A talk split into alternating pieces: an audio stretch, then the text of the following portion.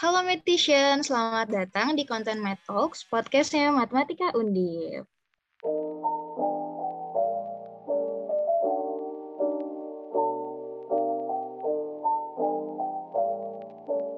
Oke, halo semuanya. Jadi um, sebelum mulai podcast hari ini, aku pengen kenalan dulu nih karena uh, tak kenal maka tak kenal kan. Karena nggak mungkin gak sih kalau sayang uh, cuma lima menit gitu. Oke jadi aku kenalan dulu ya. Um, di sini namaku adalah Kansa Rasati uh, dan aku biasa dipanggil Kansa. Jadi aku hari ini diamanahi sebagai moderator uh, dari Matematika 2019 uh, dan kalian bisa lihat juga nih di sini kita kedatangan narasumber yang keren dan cantik juga nih. Uh, namanya adalah Mbak Ristan gitu jadi pada hari ini kita akan ngebahas tentang yang namanya fresh graduate nih. Mungkin uh, kita bisa sapa dulu kali ya Mbak Ristannya. Halo Mbak Ristan. Halo Kansa, halo Medication. Oke, okay. eh, Mbak Ristan apa kabar nih Mbak? Baik nih, Kansa gimana nih kabarnya? Oke, okay. aku baik juga sih Mbak. Kayaknya kelihatannya hari ini Mbak semangat banget, excited banget gak sih Mbak? Banget dong, kan mau ketemu sama kamu dan Medication. Oke, ya udah. Um, aku mau nanya nih Mbak sebenarnya. Uh, sekarang tuh kesibukan Mbak tuh apa sih kalau aku boleh tahu? Mungkin Mbak bisa sharing nih. Oke, aku perlu kenalan dulu nggak nih sebelumnya? Boleh, boleh, boleh, boleh. Biar teman-teman pada tahu juga. Iya, kan uh, yang masih ada angkatan 2021 ya sekarang ya? Apa 2021? Oh iya, iya. Uh, 2021 sih, Mbak. Oke, okay. halo Medication, halo Kansa, dan halo teman-teman semua. Sebelumnya perkenalkan nama aku Ristan Agustiani Rahmayanti, aku biasa dipanggil Ristan dan aku dari angkatan Matematika 2017 yang saat ini sudah lulus kebetulan. Halo juga, salam kenal juga mungkin buat teman-teman angkatan 2021 yang belum kenal aku. Begitu. Nah, nah tadi Kansa nanya bukan aku sekarang ya. Iya, iya benar, Mbak. Aku ceritain ya kesibukan aku sekarang. Jadi, aku itu sidang tanggal 15 Juli 2021 Nah, aku itu uh, tanggal 11 November kemarin aku baru aja wisuda dan saat ini uh, mulai 15 November kemarin aku sudah mulai bekerja gitu kan, Sa. Oh, alah. Oke. Okay. Uh, karena tadi Mbak udah bilang nih, uh, Mbak udah kerja kan. Mungkin Mbak bisa spill nggak sih ke kita-kita semua nih, ke teman-teman yang lain juga. Sebenarnya sekarang tuh Mbak Ristan kerja di mana sih kalau kita boleh tahu? Ayo mau tahu banget apa mau tahu aja nih? oh, mau tahu banget dong, pasti teman-teman pada penasaran kan? Oke, belum yang kayak gimana-gimana, tapi alhamdulillah, alhamdulillah dikasih rezeki. Saat ini aku bekerja di PT Bank Sentral Asia. Kebetulan aku ditempatkan di head office-nya oh. di Menara BCA di Jakarta Pusat. Itu aku uh, ada di Biro Sistem Informasi. Nah, unit sistem aplikasi seperti itu. Oh, oh ya ampun. Berarti Mbak kerja di BCA ya? Iya, benar. Aku kerja di BCA. Oh, oke. Okay. Uh, eh, sekarang berarti Mbak kerjanya tuh WFA atau WFO nih, Mbak? Jadi saat ini itu kan kalau peraturan Kemenaker memang uh, sesuai peraturan ya. Jadi WFH WFO itu tergantung level setiap daerah. PPKM-nya ada di level berapa. Nah, karena saat ini Jakarta ada di level 1, jadi aku saat ini tuh porsinya 75% WFO, 25% WFH. Jadi aku masih hybrid WFH dan WFO seperti itu. Oh ya ampun, oke okay, oke. Okay. Um, berarti masih masih cukup hektik ya Mbak atau udah settle nih Mbak? Uh, gimana ya? Karena masih first week juga, hmm. jadi masih first week juga, jadi masih cukup hektik sih. Apalagi kemarin sebelum first week kan uh, selesai tanda tangan offering kontrak, menyelesaikan semua berkas-berkas juga, terus first week ini juga lumayan hektiknya karena kan aku dikenalin juga sama semuanya, perkenalan juga sama pekerjaannya kayak gimana, plottingannya seperti apa, itu kan masih cukup hektik ya. Karena kerja itu berbeda dengan kuliah. Kalau kuliah kita dikasih mulu, kalau ini kerja ada waktu yang memang sometimes kitanya sendiri yang harus mencari tahu dan di mana pekerjaan itu belum tentu sesuai dengan bidang atau minat yang memang kamu itu mau gitu.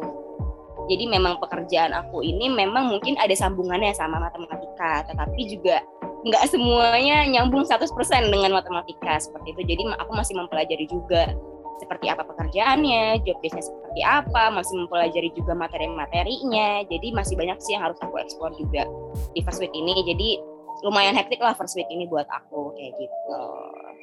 Oh, Oke, okay. berarti masih masa adaptasi ya Mbak, kalau aku boleh ambil kesimpulan. Iya, benar sekali, masih masa adaptasi. Oke, okay. uh, eh, tapi nih Mbak, sebenarnya yang tadi Mbak Ristan ceritain, aku sempat nge-highlight sesuatu nih Mbak. Uh, jadi Mbak Ristan ini kalau nggak salah dapat pekerjaan tersebut itu sebelum lulus kuliah ya Mbak? Iya benar. Benar nggak tuh Mbak? Yeah. Nah itu mungkin bisa sharing nggak tuh Mbak? Gimana sih cara mendapatkan pekerjaan itu? Apalagi uh, Mbak dapatnya sebelum lulus kan? Kayaknya itu kayak uh, menarik gitu untuk kita semua tahu nih. Oke, jadi uh, buat teman-teman semua, buat khususnya yang masih uh, mengenempuh pendidikan ya, uh, buat medication semua. Jadi waktu itu tuh sebenarnya aku juga sama sama teman-teman sekalian. Aku masih bingung nih, mungkin masih ada yang bingung juga. Aduh, aku habis habis setelah sidang tuh aku ngapain sih?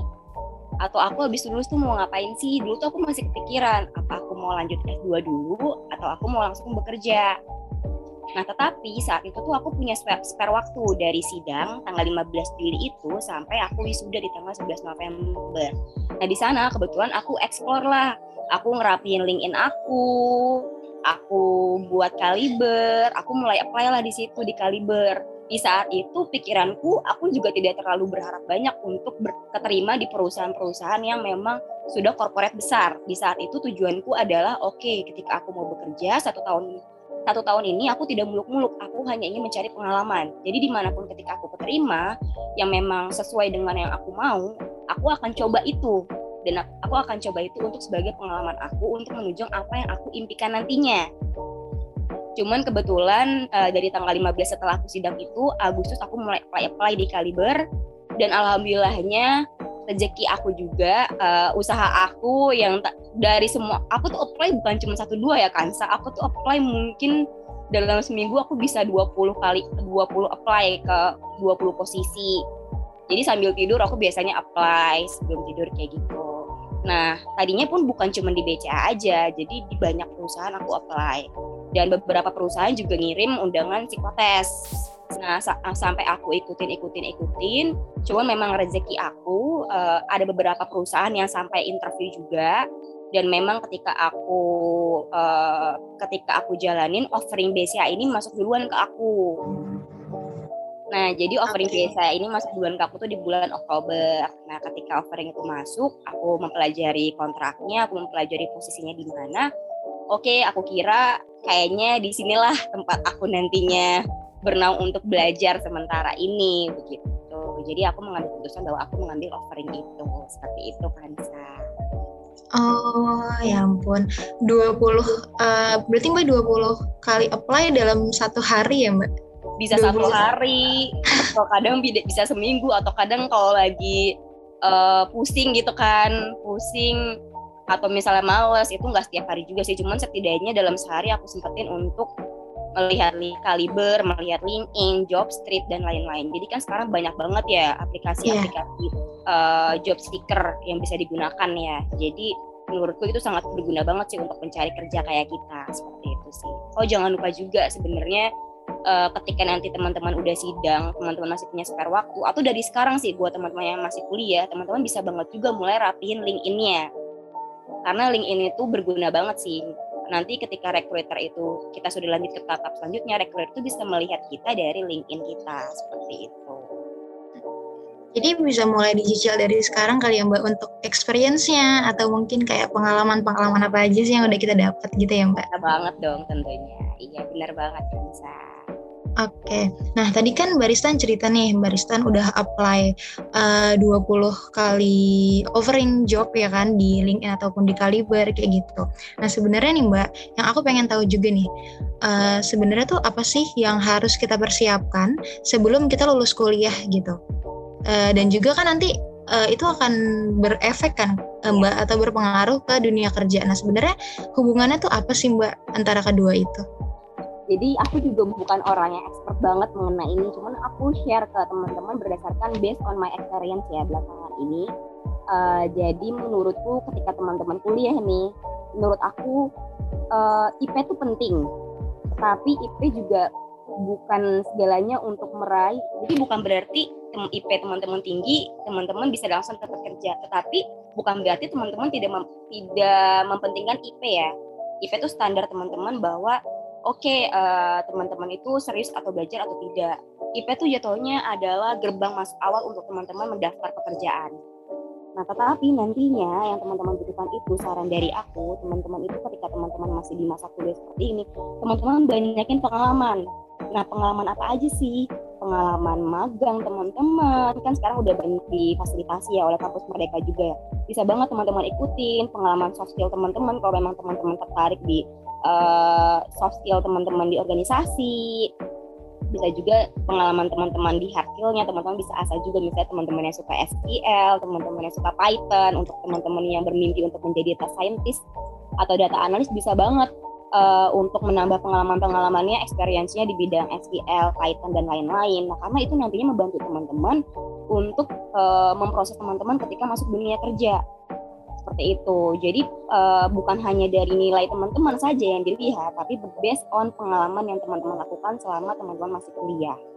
Jadi bisa jadi organisasi, bisa jadi soft skill juga, bisa dari uh, hard skill juga. Jadi coba explore apa yang teman-teman suka dan apa yang sekiranya teman-teman impikan untuk bekerja, sekiranya apa yang bisa dieksplor di kuliah ini.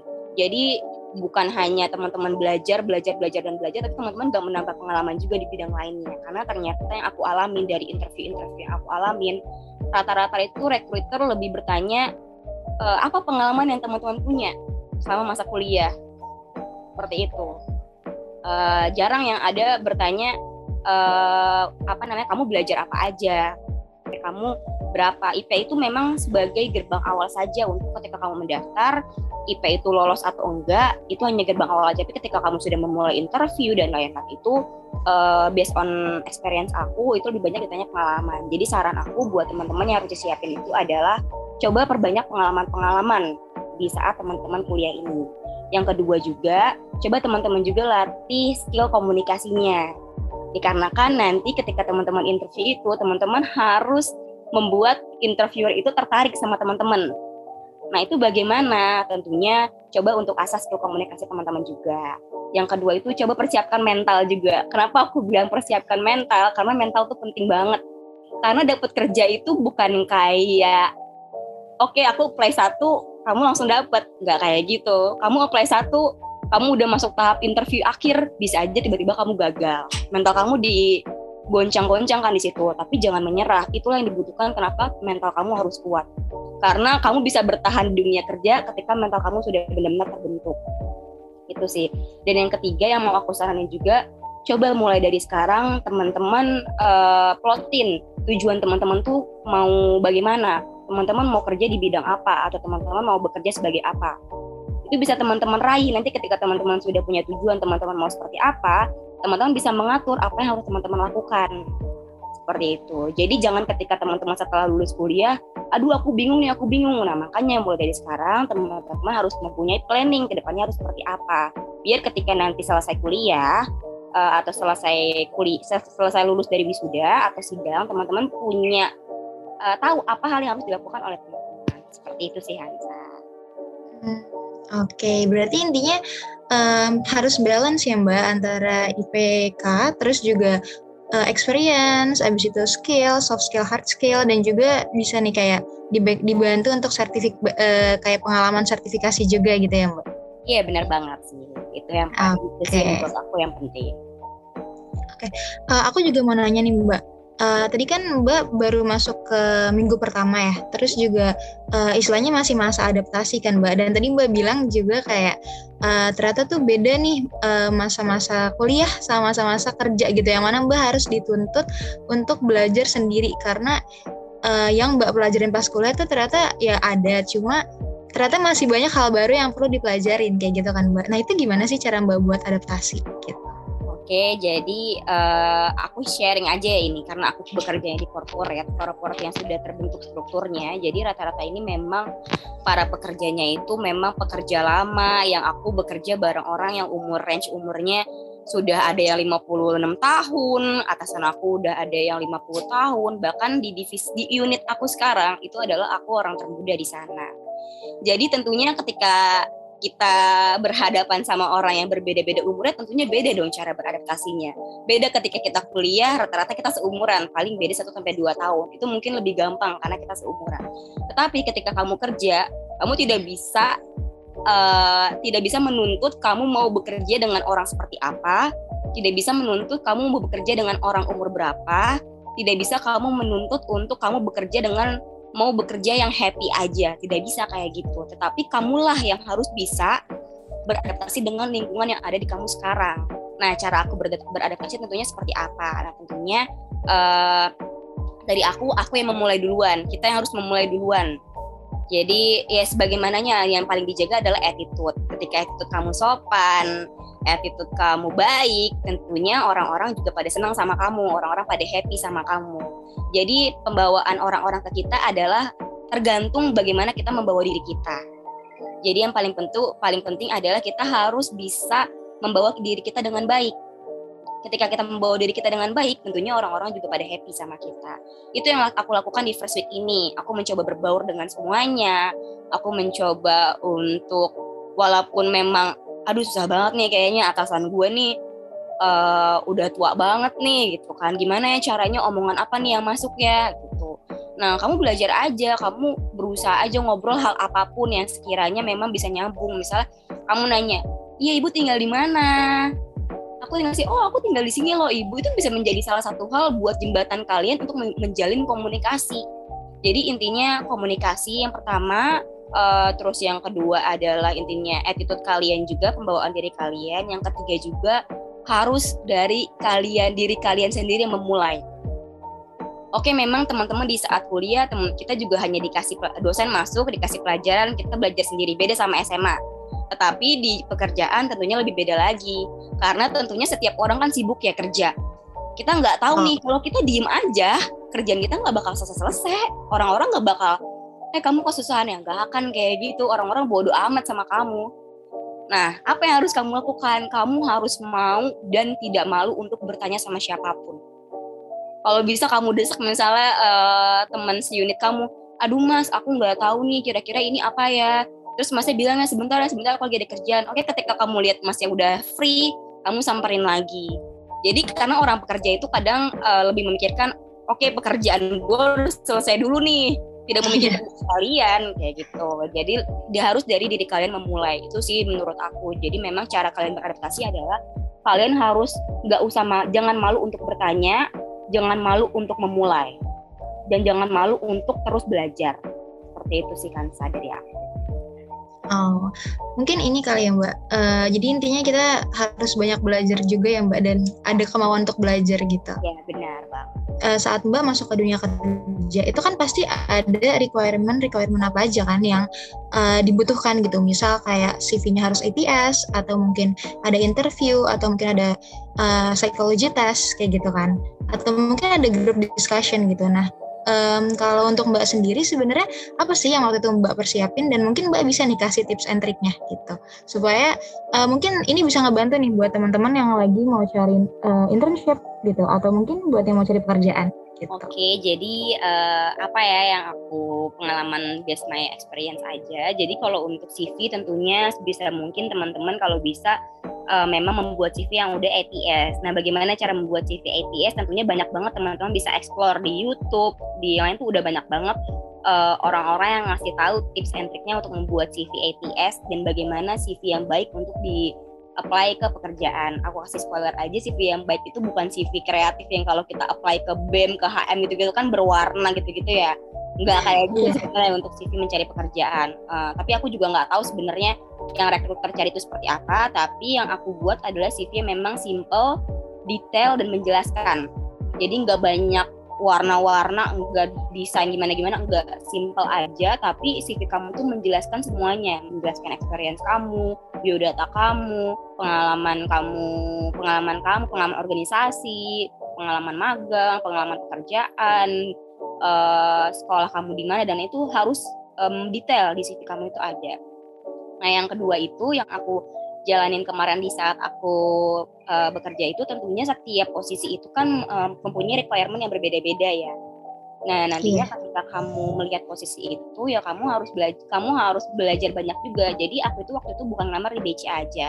Jadi aku udah mengalami namanya interview awal HRD, interview user, uh, forum group discussion juga aku ngalami, leaderless group discussion juga aku ngalamin. Jadi banyak hal. Nah, tentunya setiap step itu sebelum kamu memulai step itu tentunya kamu juga harus banyak mencari informasi. Harus banyak mencari informasi. Sekiranya kalau ketika interview apa aja sih pertanyaan interview yang bakal keluar? Apa aja sih yang harus kamu persiapkan? Nah untuk interview awal tuh biasanya uh, mereka cuma hanya ingin tahu bagaimana diri kamu sebenarnya. Nah salah satu tips untuk interview menurut aku adalah be yourself. Dan ketika kamu interview, kamu jangan gugup karena ketika kamu gugup itu recruiter bisa melihat menilai kamu apakah kamu bohong atau tidak. Jadi recruiter ini ingin melihat bahwa apa yang kamu utarakan ke mereka itu sebuah kebohongan atau bukan seperti itu. Jadi intinya kamu ketika kamu interview kamu latih aja skill komunikasi kamu dan itu biasanya memang nggak perlu ada yang belajar kayak gimana sih karena rata-rata yang ditanyakan oleh interview adalah apa yang kamu lakukan, apa yang kamu tulis di CV kamu. Mereka akan memperdalam di situ melalui pengalaman-pengalaman kamu maupun kepribadian kamu maupun biodata kamu. Itu biasanya memang hanya based on CV aja seperti itu. Nah untuk forum group discussion dan leaderless group discussion itu materinya tentunya berbeda-beda. Tetapi tips dari aku ketika teman-teman melakukan forum group discussion atau LGD itu teman-teman usahakan bahwa teman-teman memperlihatkan bahwa diri teman-teman itu mempunyai uh, apa ya problem solving yang baik. Karena ketika FGD atau LGD itu kita dikasih satu kasus ya, dan tentunya di sana teman-teman ingin dilihat apakah teman-teman mempunyai problem solving yang baik atau tidak. Nah, bagaimana teman-teman mengutara memperlihatkan bahwa problem solving teman-teman itu baik atau tidak? Tentunya ya ketika ada FGD atau LGD ya teman-teman harus mengutarakan pendapat teman-teman. Gak bisa teman-teman ketika uh, ada tahap itu teman-teman hanya diem saja. Nah, nanti teman-teman bisa banyak lah cari explore di internet atau di, uh, di mana bagaimana cara mengutarakan pendapat itu dinilai juga. Jadi bukan hanya ketika di organisasi kan kita mengutarakan pendapat kadang gontok-gontokan ya. Nah, ketika eh yeah. jangan salah. Ketika teman-teman gontok-gontokan itu memper memper apa ya? mempengaruhi juga nilai teman-teman. Jadi di sini karena kita bekerja nantinya di situ nanti diperlihat teman-teman harus memperlihatkan juga bahwa teman-teman menghargai pendapat teman-teman yang lain. Jadi uh, cukup berbeda sih intro apa namanya uh, grup discussion yang ketika ada di kuliah dan grup discussion yang ketika kita mau melamar pekerjaan itu banyak kok teman aku juga awalnya aku nggak tahu sama sekali tapi karena aku mau belajar, aku mau mencari tahu, aku mencari tahu di semuanya. Aku mencari tahu di internet, aku mencari tahu di forum Kaskus, forum Detik Forum, aku mencari-cari tahu. Aku lagi apply ini nih, aku udah masuk posisi interview ini nih, aku cari tahu nanti interview kayak gimana. Terus aku cari tahu juga di Glints gitu kayak memang dia khusus website buat kerja gitu ya. Si Glints itu ngasih tahu juga cara uh, cara-cara buat interview itu kayak gimana, cara-cara buat sikap-sikap yang harus dijaga ketika FGD itu seperti apa. Itu bisa teman-teman dapatkan di uh, di internet atau di YouTube atau di mana atau teman-teman mau bertanya ke orang pun itu banyak banget yang bisa teman-teman dapatkan ya kuncinya harus teman-teman yang mau berusaha untuk mencari tahu bukan teman-teman diem aja seperti itu sih.